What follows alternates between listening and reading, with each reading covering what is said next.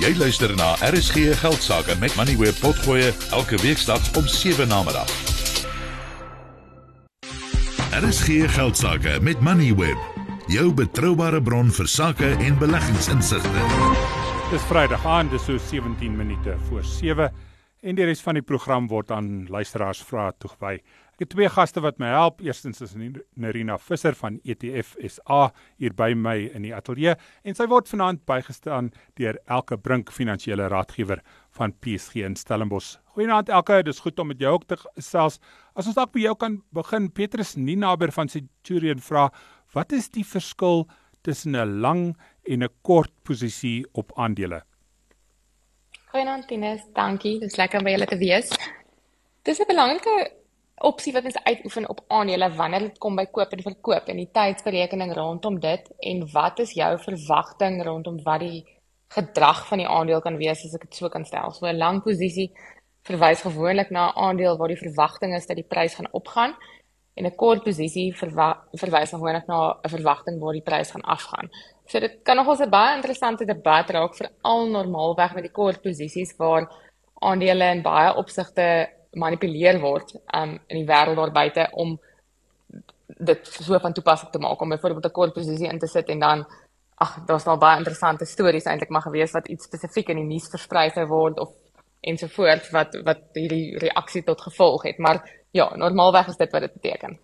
So beteken 'n lang posisie dan dat die aandeel werklik joune is en en jy dit werklik gekoop het en 'n kort posisie soms dan dat jy dit op 'n later stadium gaan koop teen 'n sekere prys wat jy dan nou beding? Hoe die die opsies werk is dat dit amper 'n um jy, jy koop 'n aandeel teen 'n sekere prys eintlik en dan is daar amper 'n verwisseling van wanneer die die aksie dan 'n plaas vind van wat jy verhoop. So jy besit nie noodwendig die aandeel reeds nie, dis dat jy hom sal koop op 'n sekere tyd of sal verkoop op 'n sekere tyd. So um dis dit kan in baie opsigte meer van 'n leentransaksie amper wees as ek dit so kan verduidelik. So elke Peters vra of Suid-Afrikaners dan nou ehm um, as individue 'n kort posisie of 'n lang posisie op 'n aandeel kan inneem. Hy verwys spesifiek na iets soos Sasol as 'n belegger dan nou dink die aandeleprys gaan terugsak as die olieprys verder terugsak. Ek sê nie spesifiek uh, op 'n spesifieke aandeel 'n uh, 'n uh, advies wil gee nie. Um ek dink dit is so 'n relatiewe beginsel. Ek dink daar's soveel onvoorspelbare uitkomste wat daar kan wees en dit hang baie af van die individuele beleggersportefeulje en watter ander aandele daar ook in die in die portefeulje is voordat ek so 'n posisie sou inneem.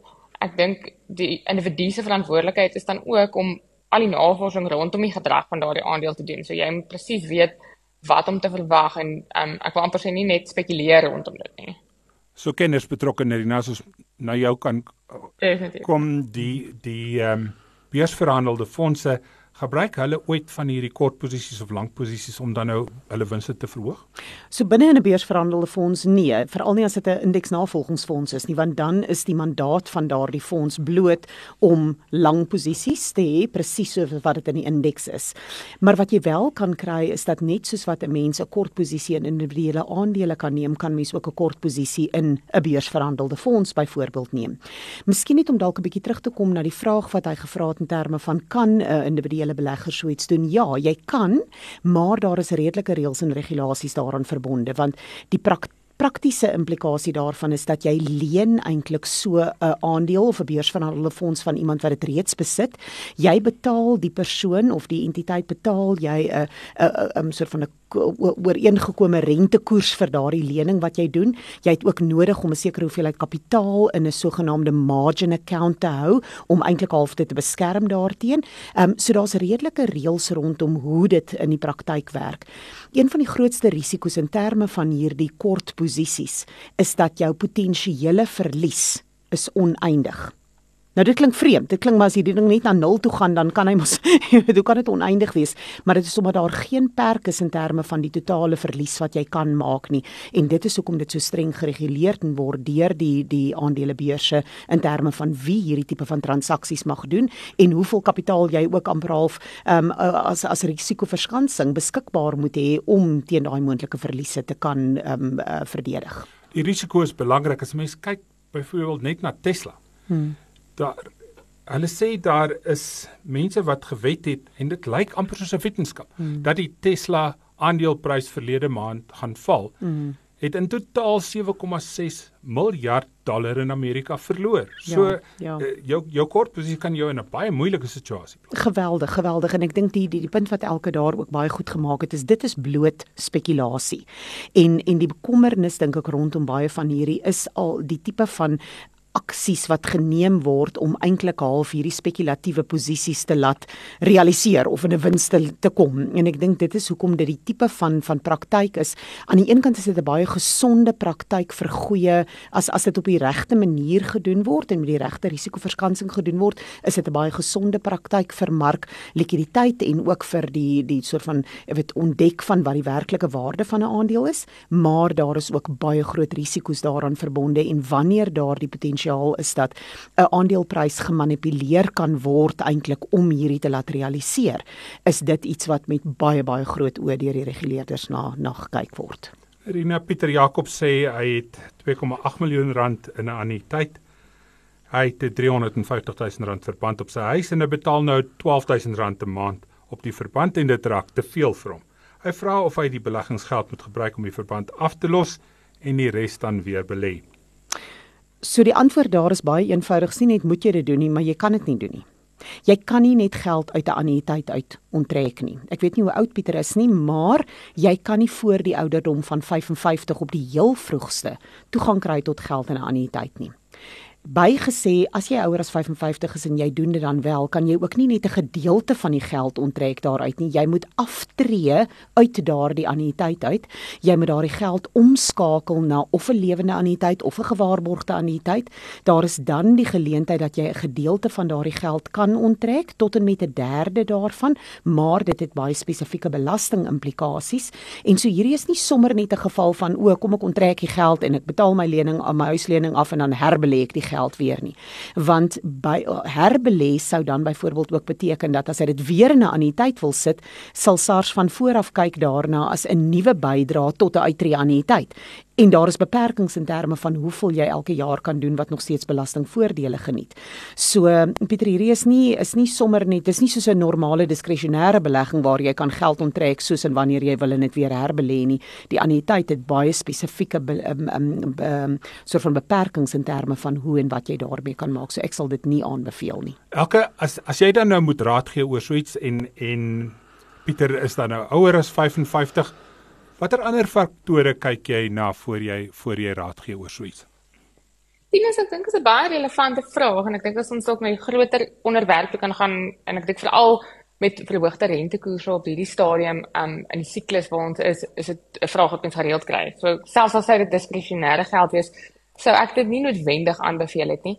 Ek dink dis 'n baie belangrike um groter prentjie om na te kyk. Dit ja, dit is dit plaas die gemiddelde belegger onder druk om om 'n verhoogde rentekoers um spasie te wees, maar die alternatief is ook nie om jou jou belegging te delg en dan jy moet nog steeds uiteindelik van iets leef.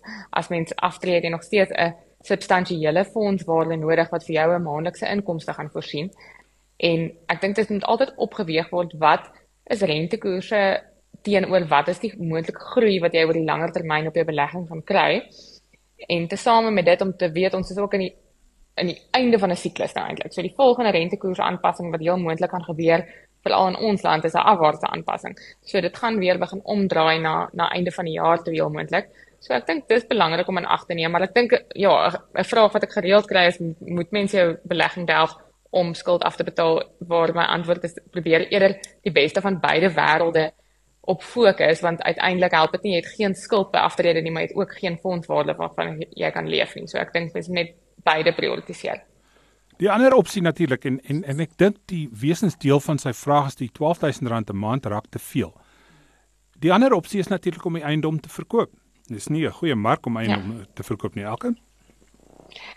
Ja, ek dink dit is baie relatief waar presies die eiendom geleë is en watter tipe eiendom dit spesifiek is. Ek dink die eiendomsmark is nogal interessant in Suid-Afrika waar in die Wes-Kaap byvoorbeeld dink ek die eiendom is 'n baie goeie belegging en um waar ek weet nie noodwendig in in ander dele van die land of ek dit noodwendig sou aanbeveel nie. Ek sien 'n baie groot aanhanger van eiendom spesifiek nie. Ek glo in 'n gediversifiseerde portefeulje waar daar aandeelblootstelling is, kan jy verhoogde opbrengste ontvang um, in vergelyking met 'n eiendom. Jy kan nie noodwendig jou jou huur jaarliks opstoot met inflasie plus 5 of inflasie plus 7 nie, maar jy kan dit oor 'n langer termyn uit 'n portefeulje uit verwag waar ek sou eerder aanbeveel om 'n meer gediversifiseerde roete te ontvang. So dit is nogal 'n opsie wat ek sou oorweeg om om moontlik te verkoop en en 'n meer um meer te diversifiseer in terme van bateklasse. Jy luister na RSG. Geld sake, dis nou so 7 minute voor 7. Ons antwoord vra wat jou sak raak. Nerina, ons het 'n paar weke in 'n ry dieselfde eenvoudige vraag van Billy. Ek is nie heeltemal seker of hy ernstig is nie, maar dit lui so hy R10, maar het net R5 nodig. Wat maak hy met die ander geld? Ek hoop hy gebruik hierdie R10 as 'n voorbeeld van eintlik 'n bietjie meer geld en ons kan dit maar opdruk om om hierdie vraag te antwoord. As jy dan R20000 na belasting verdien en jou uitgawes is 10000, hoe gaan jy te werk met die res? Dis 'n wonderlike posisie om te wees want ek dink dit is die die belangrikste metode om welvaart te skep.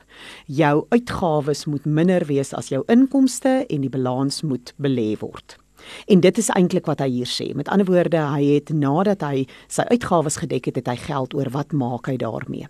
En dit is waar mens dan na 'n baie goed saamgestelde beleggingsstrategie en 'n beleggingsspaarplan gaan kyk en sê, waarheen gaan daai geld? En ek hou gewoonlik daarvan om altyd te begin. Punt nommer 1, het jy 'n noodfonds? Jy moet altyd sorg dat daar geld vir 'n vir 'n krisissituasie is, so dan moet geld in 'n noodfonds ingaan. As jou noodfonds gedek is, dan is die volgende ene waarna kyk watter belastingvoordele en geleenthede is daar vir my en dit sal 'n kombinasie wees van belastingvrye beleggings en bydraes tot uittreë annuïteite en dit hang dikwels af van wat is jou belasbare inkomste posisie teen wat se marginale koers betaal jy belasting wat is jou ouderdom wat daarmee saamgaan maar belasting verwante of of gunstige besparings is definitief dan vir my die volgende prioriteit.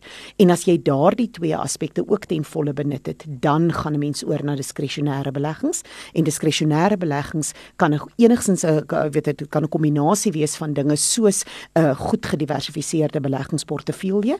Dit kan party mense hou van eiendom, dit kan 'n gedeelte in eiendom byvoorbeeld ook ingaan, maar die prioriteite vir my daar is noodfonds, belastingvoordelige beleggings ten volle benut maak en dan diskresionêr.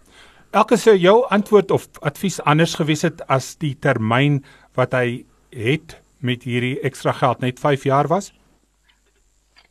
Die grootste verandering wat ek eh, sou oorweeg, die oomblik as termyn verkort is ongelukkig die hoeveelheid aandeelblootstelling wat mens sou oorweeg. So teoreties behoort jy gemaklik te wees, maar ek wil amper sê die langste negatiewe siklus wat daar gewoonlik in die mark al van omtrent die 1930s plaasgevind het, is gewoonlik so tussen 2 en 'n half tot miskien bietjie meer as dit jaar. So jy wil voorsiening maak vir die slegste moontlike uitkoms indien daar 'n negatiewe siklus is soos wat ons verlede jaar ook ervaar het op 'n beermark. Um iets wat moontlik langer as as 12 maande sal duur, um of selfs langer as 18 maande sal duur.